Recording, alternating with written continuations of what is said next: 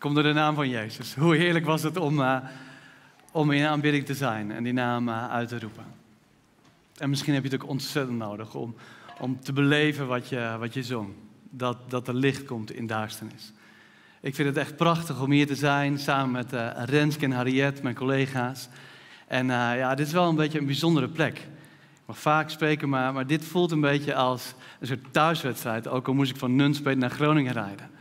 Maar dat komt door veel vrienden hier in de gemeente. En, uh, en een soort gedragen passie voor recht. Wat is het mooi dat we jarenlang samen optrekken. En, uh, en dat we samen die beweging van recht willen vormgeven. In alle kwetsbaarheid. En uh, hoe mooi is het als je dan hier binnenkomt en dan zo'n wereldkaart. Jij bent eraan gewend, maar het raakt mij elke keer weer. Honderden fotootjes van kinderen van ergens op de wereld. En misschien ben jij, bent u wel verbonden met een van die kinderen die thuis op, ja, op je koelkast of ergens in de buffetkast of waar dan ook, maar in ieder geval een plekje in je hart heeft gekregen. En eigenlijk zijn we hier vandaag om te zeggen, dankjewel. Dankjewel dat je meegaat in die beweging van recht. Dat je iets van jezelf wil delen, zodat je ook weer kunt ontvangen van dat wat God aan het doen is. En uh, ik vind het uh, prachtig om hier vanmorgen met jullie mijn hart te delen. En ik vind het ook wel een beetje spannend. Ik merk de laatste tijd dat als ik mijn hart deel, dat het is, ik zit een beetje in een soort dubbele verhouding. We zijn weinig in het veld door de restricties van, nou, die, die het onmogelijk maken om te reizen, maar we krijgen veel verhalen uit het veld. En uh, waar corona hier natuurlijk veel onder druk zet, is dat ook daar het geval. Ik wil jullie eerst even meenemen naar een ontmoeting die ik heb gehad samen met Annemarie, mijn vrouw, en mijn broer uh, Harmen met zijn vrouw Marijke, uh, die als ondernemers mee waren. En we hebben uh, een ontmoeting gehad met dit, dit, mooie gezin in Togo. Je ziet hier Justin en Pauline en hun twee kinderen. En nou ja, wij hebben hen ontmoet en ik wil je graag even meenemen voordat ik iets meer ga zeggen over wat corona op dit moment ook wereldwijd doet. Dit zijn Pauline en Justin. En nou, wij waren in Togo uh, en we, we, nou, we zouden daar een aantal mensen ontmoeten, een aantal projecten bezoeken. En, uh, en wij hadden een hele tijd vanuit de hoofdstad hadden we in zo'n busje gezeten. Eigenlijk is er maar één weg naar het noorden. Togo is een lang uitgestrekt land naar het noorden. En hoe noordelijker je komt, hoe armer het is. En, uh, nou, dus we zagen van alles aan ons voorbij gaan toen we met onze auto's over die, nou, die zandweg naar het noorden reden. En op een gegeven moment dan zeiden we van nou hier moeten we ergens rechts. En denk je van is er ook nog wat naast deze weg dan? En dan ging je over de hobbelweggetjes van die rode paden, stoffig om je heen, want het was gordroog. En reden we daar nou ja, naar een, een klein dorpje uh, ergens halverwege Togo. En we werden ontvangen door een lokale kerk. En uh, ja, dat gaat altijd met zoveel vreugde gepaard. Zoveel muziek en, en, en lachende gezichten. Maar nadat we elkaar hadden ontmoet en een, een poos hadden gepraat onder een afdakje. En uh, de ene chief naar de andere chief van dat dorp gewoon ook even zijn woord had gedaan. Mochten wij op bezoek bij een gezin ja, wat, wat daar in die gemeenschap leefde. Om even te voelen, te proeven, hoe is dat leven in deze gemeenschap. En toen kwamen we bij het prachtige gezinnetje van Justin en Pauline. En we werden eh, ja, op zo'n zo'n mooie open vlakte neergezet. Daar stonden wat houten krukjes. En wij mochten daar gaan zitten. En, en opa en oma kwamen daarbij. En, en nog wat buurtbewoners gingen daar omheen staan. En we begonnen het gesprek over het leven daar. En we hoorden dat, dat Justin en Pauline allebei kleermaker waren. Dus echt de gave hadden om prachtige kleding te maken. En dat was, uh, het was super mooi om, nou ja, om, om hen daar trots over te zien vertellen. En op een gegeven moment vroegen ze: uh, Kom anders even in ons huis kijken. En uh, je zag een beetje twijfel: zouden jullie dat durven in ons huis? Want nou, wat je achter hen ziet, dat is hun huis. Het was wat verzakt. Het was opgetrokken uit modder en nou ja, een, een dak. Het was donker binnen. Maar, maar we mochten even binnenkijken.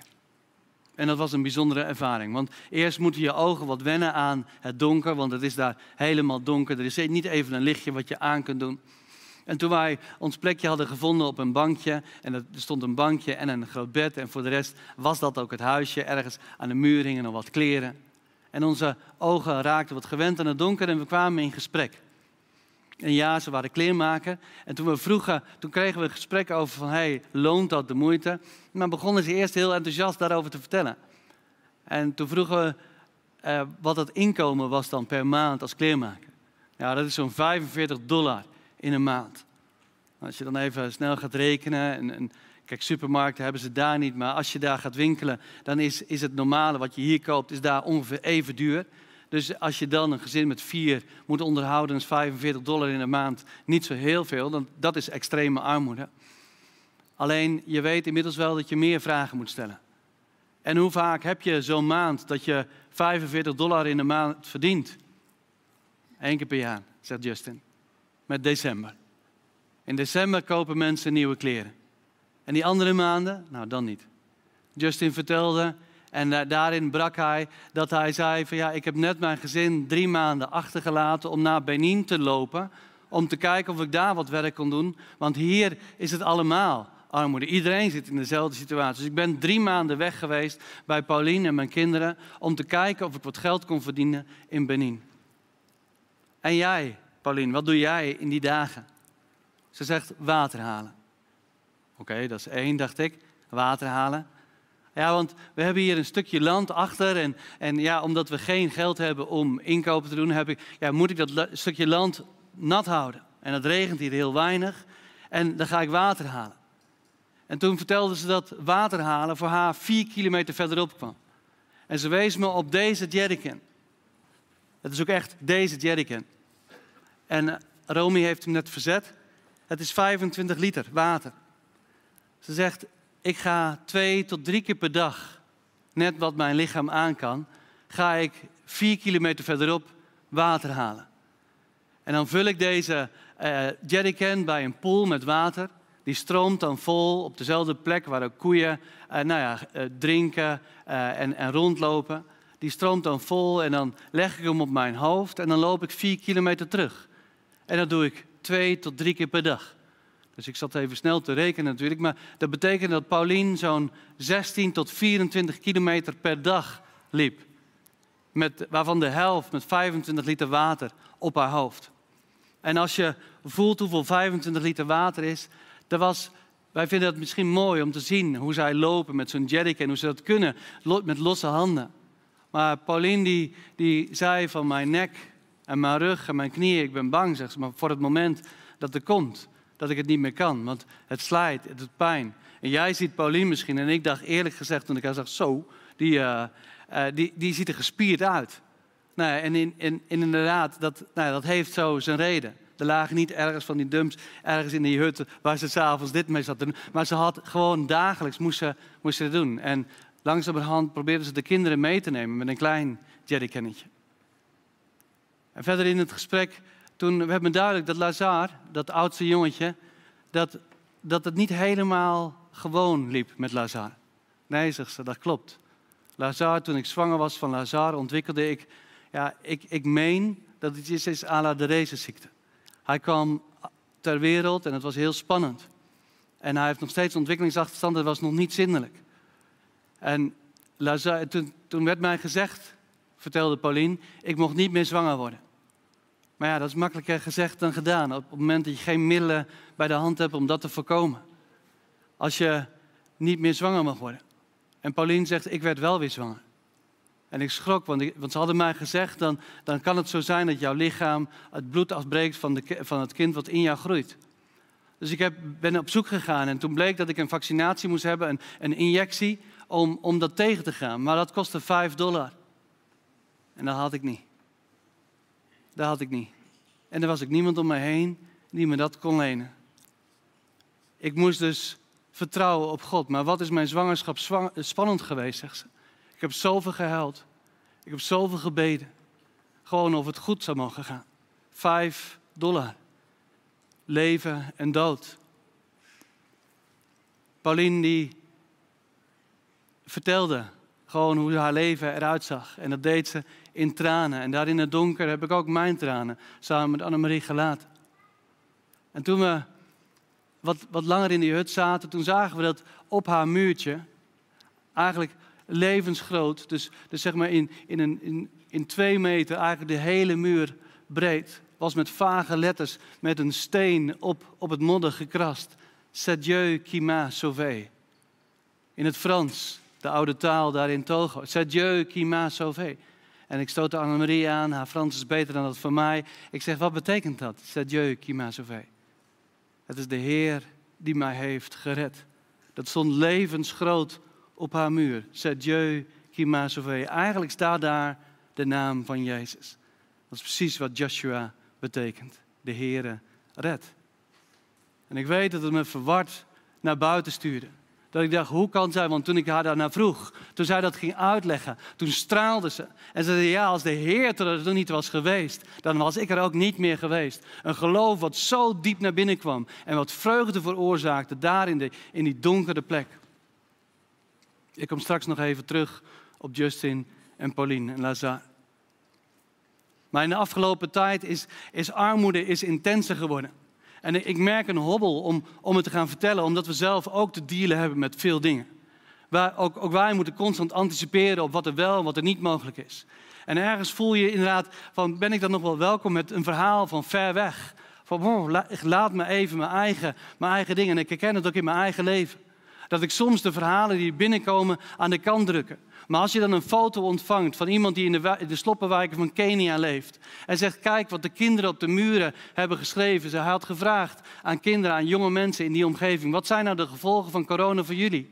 Ook daar in de sloppenwijken zijn mensen opgesloten in hutjes van drie bij drie. En er wordt niet gecommuniceerd. Daar zijn geen schermpjes om je even bezig te houden. Er is geen voeding. Een dag niet werken is een dag gewoon niet eten. En dat zijn dagen niet eten. Wanhoop eh, groeide daar heel snel. En jongeren schreven op de muur van een ziekenhuis toen ze daarom gevraagd werden wat de effecten van corona voor hen was. Dat is geweld in de wijk. Veel geweld. Mensen werden beroofd. Jonge vaders die niets anders konden dan hun eigen kind in leven te houden, dat wat ze roofden van een ander. Het was de keuze. Dat was de eerste. De tweede was honger.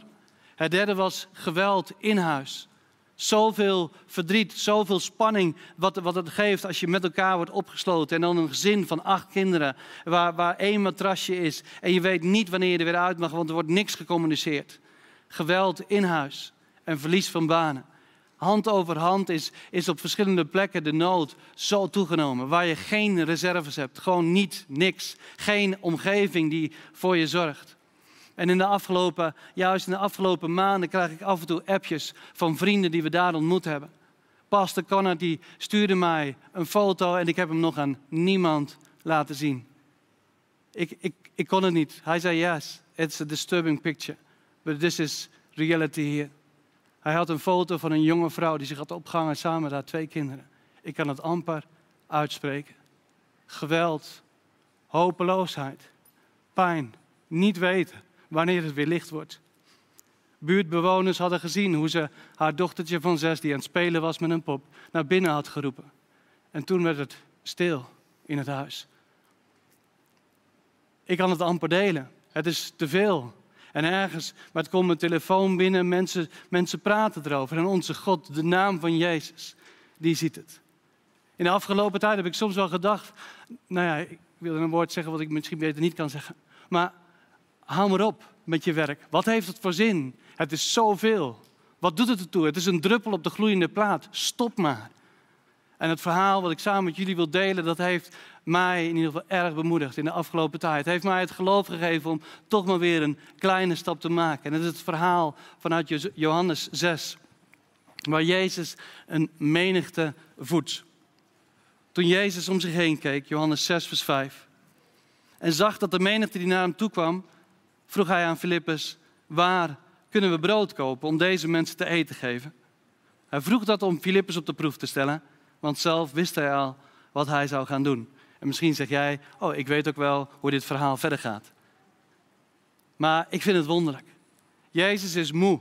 Jezus wil, wil even alleen zijn. Dat is de aanvliegroute naar dit verhaal. Hij heeft net gehoord dat Johannes de Doper is onthoofd. Zijn maatje, zijn, zijn, zijn neef onthoofd. Het is serieus wat er gebeurt. En hij weet wat hem te wachten staat. En hij wil nu even alleen zijn. Maar hij komt aan de overkant aan en, en een menigte van mensen die staat daar alweer klaar voor Jezus. En dan staat daar dat Jezus begon met verkondigen van het koninkrijk, genezen en hij ging gewoon weer door.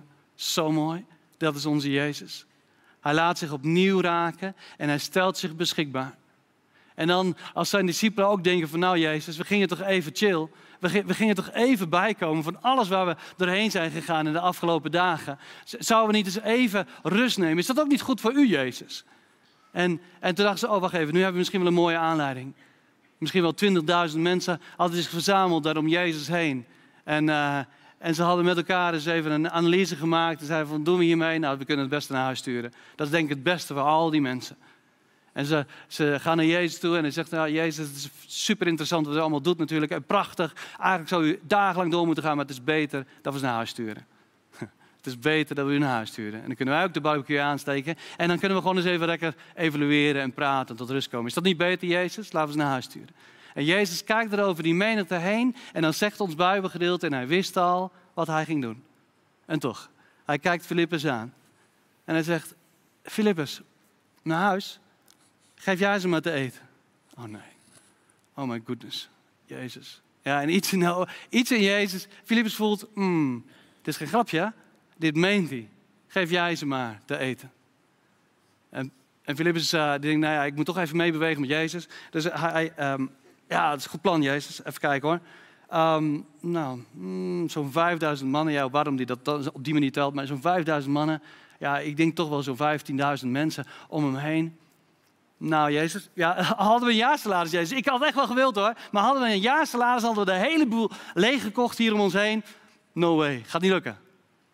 Toch maar naar huis, Jezus? Nee. Nee, geef jij ze maar te eten. En wat heb je wel? Oké, je hebt geen jaarsalaris op zak, maar wat heb je wel? En Andreas die, die denkt, nou, ik zal Filippus helpen. Anders wordt het weer zo'n lang verhaal. Uh, wat heb je wel? Wat heb je wel? Wat is dat nou voor vraag? Wat heb je wel? Nou, je, Jezus, eh, Andreas loopt wat rond en die ziet daar zo'n kereltje staan met zo'n met mooi uh, doekje. Met, daar zit zijn lunch in, dat kan niet anders. En hij zegt, hé hey, gast, wil je even mee? Ik heb je even nodig. Duur niet lang. Duur niet lang. Kom maar. Dus dat mannetje, prima. Dus Andreas zegt, wat heb je eigenlijk? Wat heb je hm, hier dit. Een paar gestenbroodjes. Een paar visjes ertussen. Beetje smoezelig. Al, al de halve dag in, in, die, in het ding. Dat is lunch. Mama heeft vanmorgen klaar. Oh, ga naar Jezus. Nou, die houdt lang aan. Dus hier, neem hem mee. Dus, hey, dus hij, hij zit er met zijn lunchpakketje. En, en hij zag er wel gestenbroodjes. Nou, dat zijn niet de broodjes die je, die je een cateringbedrijf laat brengen hoor. Als je de mensen goed wil verzenden. Dat zijn een beetje de euroknallers. Van die goedkope broodjes. Dus Andreas, is prima. Dit is goed materiaal. Dus hij gaat naar Jezus. Hij zegt, nou Jezus, dit heb ik kunnen vinden. Dit. Ja, laat me even zien kerel. Laat me even zien. Dus dat mannetje, dat doet zijn dingetje open. En, en Andreas zegt, nou zo, dat is klaar. Maar Jezus, die kijkt het mannetje aan en zegt, gast, is dat allemaal van jou? Wat lekker. Mag ik het gebruiken? Een mannetje, dat kan niet anders dan ja zeggen natuurlijk. Dus hij zegt, ja, het is prima. Hij legt zijn lunchpakketje in de handen van Jezus. Waarom stelt Jezus die vraag aan Filippus? Wat zullen we gaan doen? Hoe ga je dit oplossen? Jezus wist al wat hij ging doen. Nou, ergens, ergens wil Jezus Filippus op een andere manier laten denken. Op een andere manier naar de nood om hem heen leren kijken.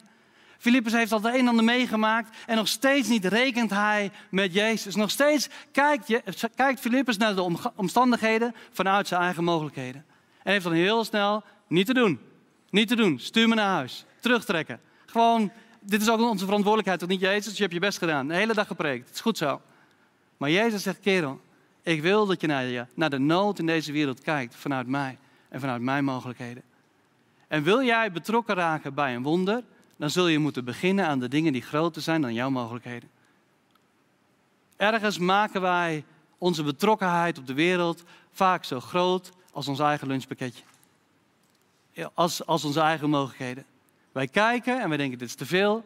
En we, we scheiden onszelf af en we zeggen we maken het los. We doen wel wat, maar we beginnen niet aan die ambitie die de Heer heeft.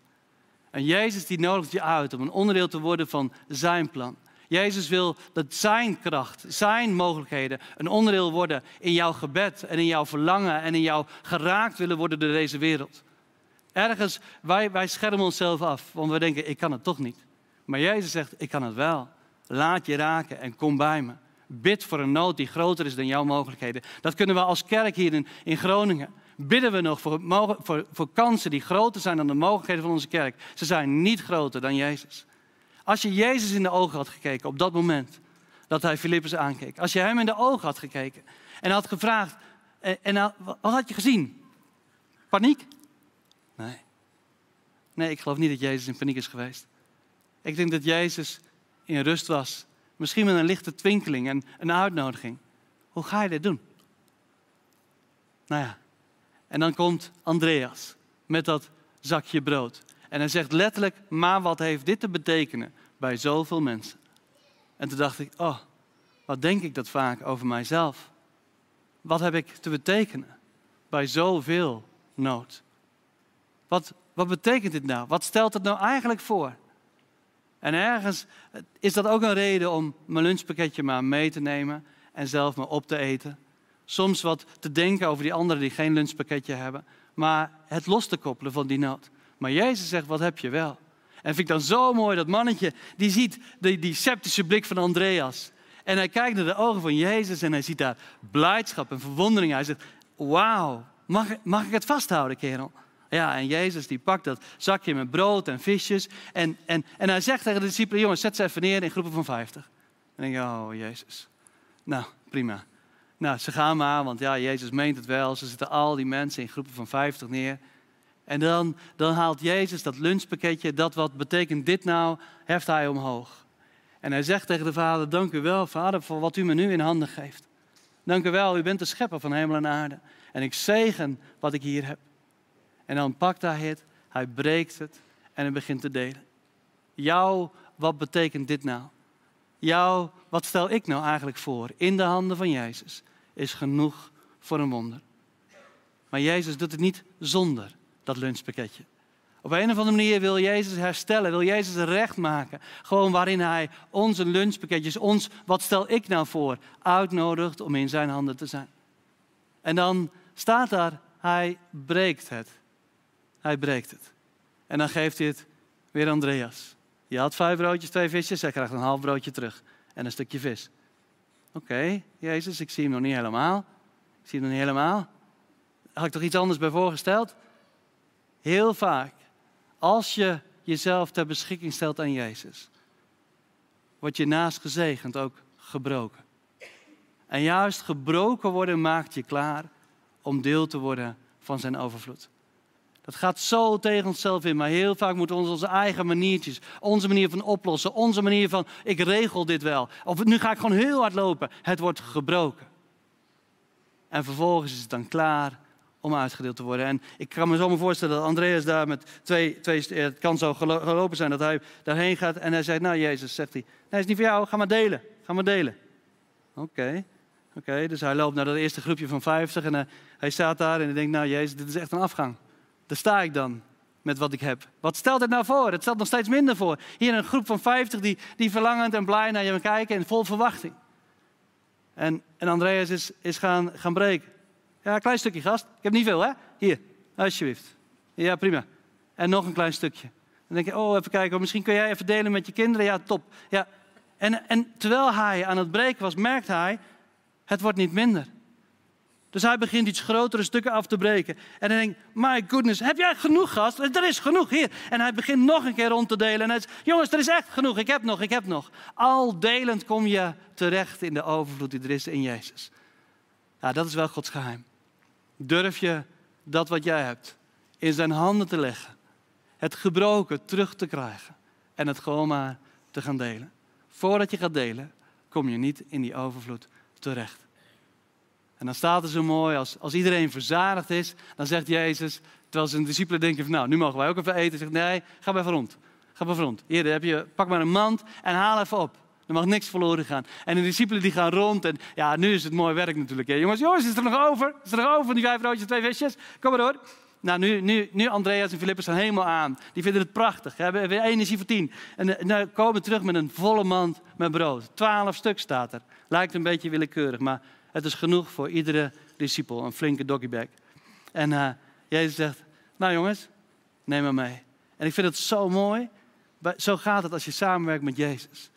Daar loop je niet op leeg. Jezus is er niet op uit om, om jou tot armoede te brengen. Is er niet op uit om jou uitgeput ergens in de hoek te laten, laten eindigen. Maar hij, hij, er is overvloed als je werkt samen met Jezus. Dan is er genoeg om thuis te delen. En in de, in de bediening van Jezus, als je, als je zijn bediening oppakt, dan is het niet de bedoeling dat je jezelf uitput, maar dan is het de bedoeling dat je met volle handen ook thuis in je eigen gezin kunt delen. Voor je vrienden voldoende over hebt, voor je eigen kinderen, voor de mensen met wie je optrekt en leeft. Jezus put je niet uit, maar Jezus, bij Jezus is overvloed. En aan het eind van dit verhaal staat, dit is een teken. Het is niet zomaar een wonder dat Jezus zegt, hé, hey, ja, je niet verwacht hè? Had wel gekund inmiddels, maar nee. Het is, het is een teken. Dus dan moet je altijd even dieper nadenken. Jezus maakt iets duidelijk. En in Johannes 6, vers 35 gaat hij uitleggen wat voor een teken dit is. Dan zegt hij, ik ben het brood van het leven. Wie bij mij komt, zal geen honger meer hebben. En toen ik daarover na zat te denken, toen kwam ik bij Lucas 22, vers 19. Als hij het laatste avondmaal breekt met zijn discipelen, dan pakt hij een stukje brood. En dan zegt hij, dit is mijn lichaam, wat voor jullie gebroken wordt. En dan staan daar die woorden, eigenlijk hetzelfde als wat er gebeurde bij deze spijziging. Hij nam het, hij sprak de dankzegging erover uit, hij brak het en hij deelde het. Jezus die vraagt nooit iets waar hij zelf niet genoeg voor is. Jezus, Jezus is voldoende voor de opdracht in deze wereld. Jezus weet dat ook al denken wij, Heer, het gaat niet goed. er moet iets gebeuren. Jezus weet, er is voldoende voor de hele wereld. En als ik mijn lunchpakketje, mijn, wat stelt dit nou voor, in zijn handen dan weet ik, Hij is groter, in Hem is genoeg. En Hij, hij gunt het mij om mee te komen in die beweging. Wij waren bij Pauline en Justin. En Annemarie en ik waren nu samen, dat zijn we niet zo vaak. En toen we hoorden dat Lazar, dat dat de naam was van deze jongen. Toen vroegen we ons af, zouden ze weten wat dat betekent? Lazar. Dat betekent, de naam Lazarus betekent God helpt. God helpt. En we vroegen of, of ze een sponsor hadden voor Lazar. En nee, dat was nog niet zo.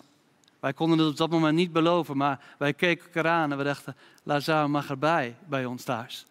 Want dan hebben we een lijntje naar dit mooie gezin.